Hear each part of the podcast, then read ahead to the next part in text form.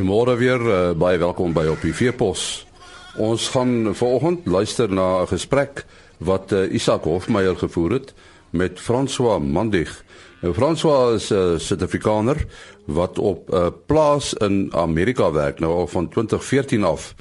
En Isak het aan hom gevra hoe dit gebeur het dat hy op die plaas beland het. Ek het probeer om vir myself te boer toe ek hierdie kant was. Toe kom ek agter ek gaan vir myself 'n neseier moet maak. Ek gaan nie net in die boerderybedryf kan instap nie, is nie goedkoop nie. Toe besluit ek okay, ek sal my CV insit dat ek kan oor see gaan. Toe kry ek die werk 6 maande later. Toe sê ek oor see. Baie dinge geleer. Soos dit dit is 'n voorreg vir my om die wêreld te kan sien. Ja. Maar net ja. voor jy aangaan, die jy, jy het jou CV gereed gemaak en jy het deur 'n agent gewerk. Ja. Okay, hoe werk dit? Die ouens verwys hom iemand maar. So ek het iemand geken, een van my ma se vriendinne het tannie geken wat se broer in Amerika werk. Toe vra ons vir haar hoe het hy daar gekom? Ja. Toe sê sy vir ons nee, die agente. Toe kry ek al die inligting en my paspoort gaan doen en al daai hmm. Oorseese dokumente het ek ingevul en toe is nogal 'n relatiewe proses maar die agente maak dit regtig veel baie moeite werd en maklik. Ek het in Noord-Dakota geland. Eerste ding wat ek agtergekom is baie koud daar. by 'n boer opgedaag. Ek, ek is regtig geseënd om by hom te werk. Hy's 'n verskriklike goeie man. Ek het aan die begin was daar twee Suid-Afrikaners gewees ek en nog ou. Toe kom ons tot die winter toe en dan is daar nie soveel werk so daar in die somer is nie. Toe kom die ander Suid-Afrikaner terug en van toe was ek alleen tot op noue nie lank terug nie wat ons net ek net ek wou was. As mens kyk na die natuur en die en die en die landskap, dit is baie ja, dieselfde as die Vrystaat net plat. Boerdery gewys, die boerdery is goed daarso. Die landbougrond self is goed. Daar's die reënval is goed. Die sneeu wat smelt elke elke lente dit help die boere verskriklik sodat hulle nat plantoppervlakte kan hê. Jy hoef nie te wag vir reën nie. Beesboer daar is nie maklik nie. Mm -hmm. As jy wil beeste boer daarso moet jy regtig geliefde hê daarvoor. Eerstens jy het minimum arbeid. Mm -hmm. So as mens fisies die beeste werk, jy doen dit jouself. Tweedens met die koue omstandighede. So my baas het vir my die eendag gesê Een vrou het vir hulle gevra kom was hulle nie weer Kersfees ete nie. Toe sê hy vir haar wel, "Wat was jou Kersfees ete?" Hmm. Toe sê hy vir haar wel 'n stuk bologna op brood. Dit het 'n sneeustorm gesneeu en die beeste is besig om vas te sneeu. As jy dit wil doen, moet jy 'n regte passie daarvoor hê. Die beeste is baie meer werd as in Suid-Afrika. As 'n mens in daai opsig kyk, ja, maar dan weer jou trop koeie word omtrent 5 maande van die jaar gevoer omdat dit vasgesneeu is ja en en en dis die punt van die boerdery verstaan ek dit reg die ouens moet die res van die jaar gebruik hulle om om voer te maak vir daai vyf hoe lyk 'n tipiese dag in jou lewe as plaaswerker daar in die somer Kom ons stel dit so van lente se ek gaan hom vat van lente af tot in winter. 'n Tipiese dag in lente sal wees ek sal die oggend by die werk op uh, opdag, hier so by 08:30 se kant. Net gou by die werk opdag, waar slaap jy? Waar woon jy? Ehm um, ek woon by my op dieselfde terrein as my baas. Hmm. Wat ook 'n plaas is, hmm. maar ons werkswinkel en werksarea is by sy ma se plaas. Op 'n ander plek. Ja. ja. Dis so 4 km van my af. Ja. In die lente sal ons Wag, um, sal ek 8 uur se kant by die werk opdaag. Ons sal ek kry gewoonlik my baas staan by die by die by die beeste wat besig is om te kalf. Mm -hmm. Dan sal ons begin of ek sal gaan voer of ek sal begin om ehm um, kalwers te tag mm -hmm. en as bulletjies as dit bulletjies is te kastreer. Mm -hmm. Dan as dit klaar is, sal ons opgaan na die hoofplaas toe dan sal ons begin met die dag se werke. Of ons moet voer of jy moet begin bedding uitsit vir die beeste. Omrede met die voerkraal wat ons ook het, is dit noodsaaklik dat die beeste nie in modder lê nie, want ons word gepenaliseer vir modder op die huid ja. van die bees. Ja. Dit is dit is nogal 'n groot taak in die in die in die, in die lente tyd van die sneeu begin te vries, ag gaan ontvries. Ja. So dan sit jy maar die bedding uit vir die beeste laat hulle net wat is die bedding?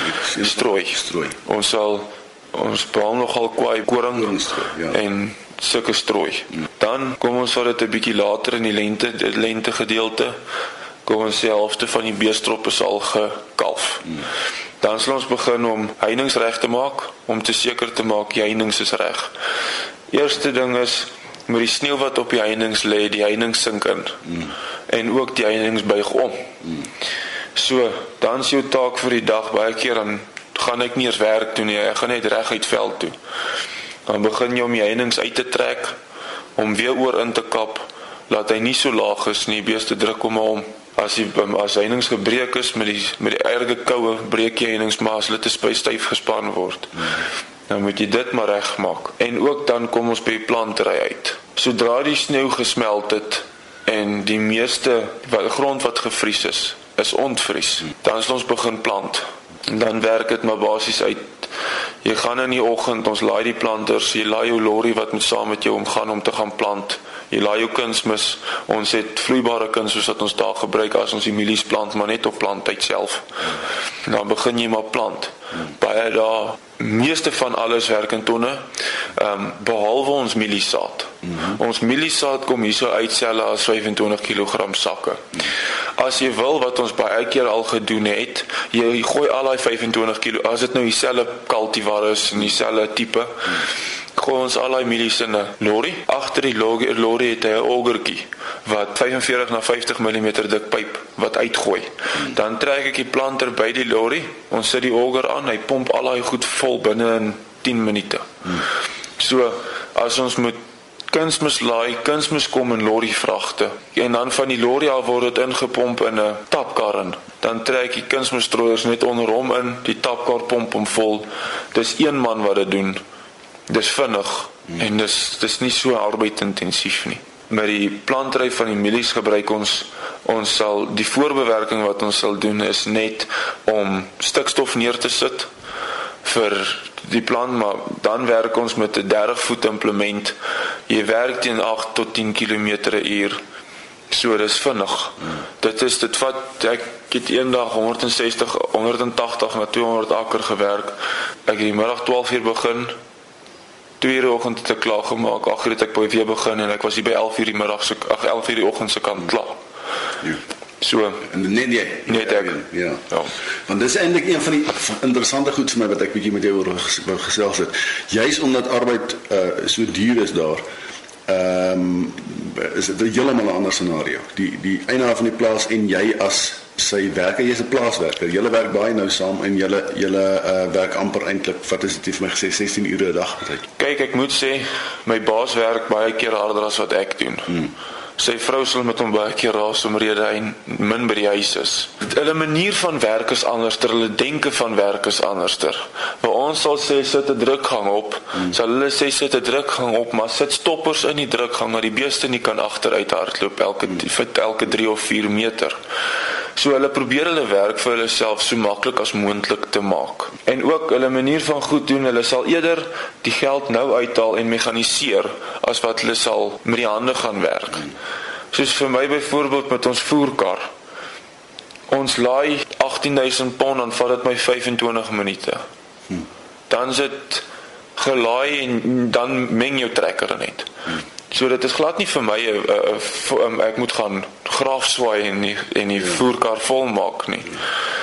As dit kom by my en my baas omrede ons nie baie werkers is nie, moet hy baie goed koördineer tussen ons. Ja. Daar's bitter seldom wat ons almal op een plek werk. Hy sê ons eerder versprei en meer as een taak op een slag doen. Dit is logies. Ja. Maar hy sal dit eerder doen en Ja, die werksure is baie langer. Kom ons vat 'n average van 12 en 'n half na 16 ure 'n dag. Ja, planttyd hardloop ons 16 ure. Gewone dag in die somer wat ons net hoef te snaak en te baal, is dit 13 na 14 ure 'n dag hmm. en dan strooptyd kom weer. Dan werk jy weer 15, 16 ure. Ons het ons het nou nog gepraat oor oor die voermaak en dit is nie daarbey uitgekom nie want die, die glucern, glucern is 'n groot deel van die voermaak, nê. Nee. So jy plan milies met die idee dat die milies self gebruik word in die voerkraal. Ja, en dan en dan en dan lucerne as as hoe. Ons by baasplant letterlik al die mielies wat geplant word word gebruik vir die voerkraal. Ja. Behalwe as 'n subsidie graan kan kry wat dieselfde doen as 'n mielie wat goedkoper vir hom uitwerk. Ja. Ons het laas jaar het ons keilvoer omtrent uh 150 na 200 akker gesny, dan sien mielie so 2 meter hoog. Hmm. Hy het verskriklik goed gedoen laas jaar met sy keilvoer. Hy spesialiseer meestal maar op die milies omrede dit vir hom so groot belangrike deel van sy projek is. Hmm. As ons gaan moet gaan na die Lucerne toe, ons het omtrent 450 na 500 akker Lucerne wat ons sny en baal. Ons sal die jaar nou kyk of ons kan begin kelvoer te maak van die Lucerne ook af. Dan is ons verbruikersproses soveel minder as ons hom laai binne in die in die menger in, hoef die menger om nie eers op te skeer nie. Hy's klaar opgeskeer. Hy hoef net in te meng. Basies alles wat ons doen word iewerster in die voerkraal ingebring. As ons koring plant word die koringstrooi gebaal om in die voerkraal gebruik te word. Ja, ja. En ook selfs met die lande wat wat geplant was.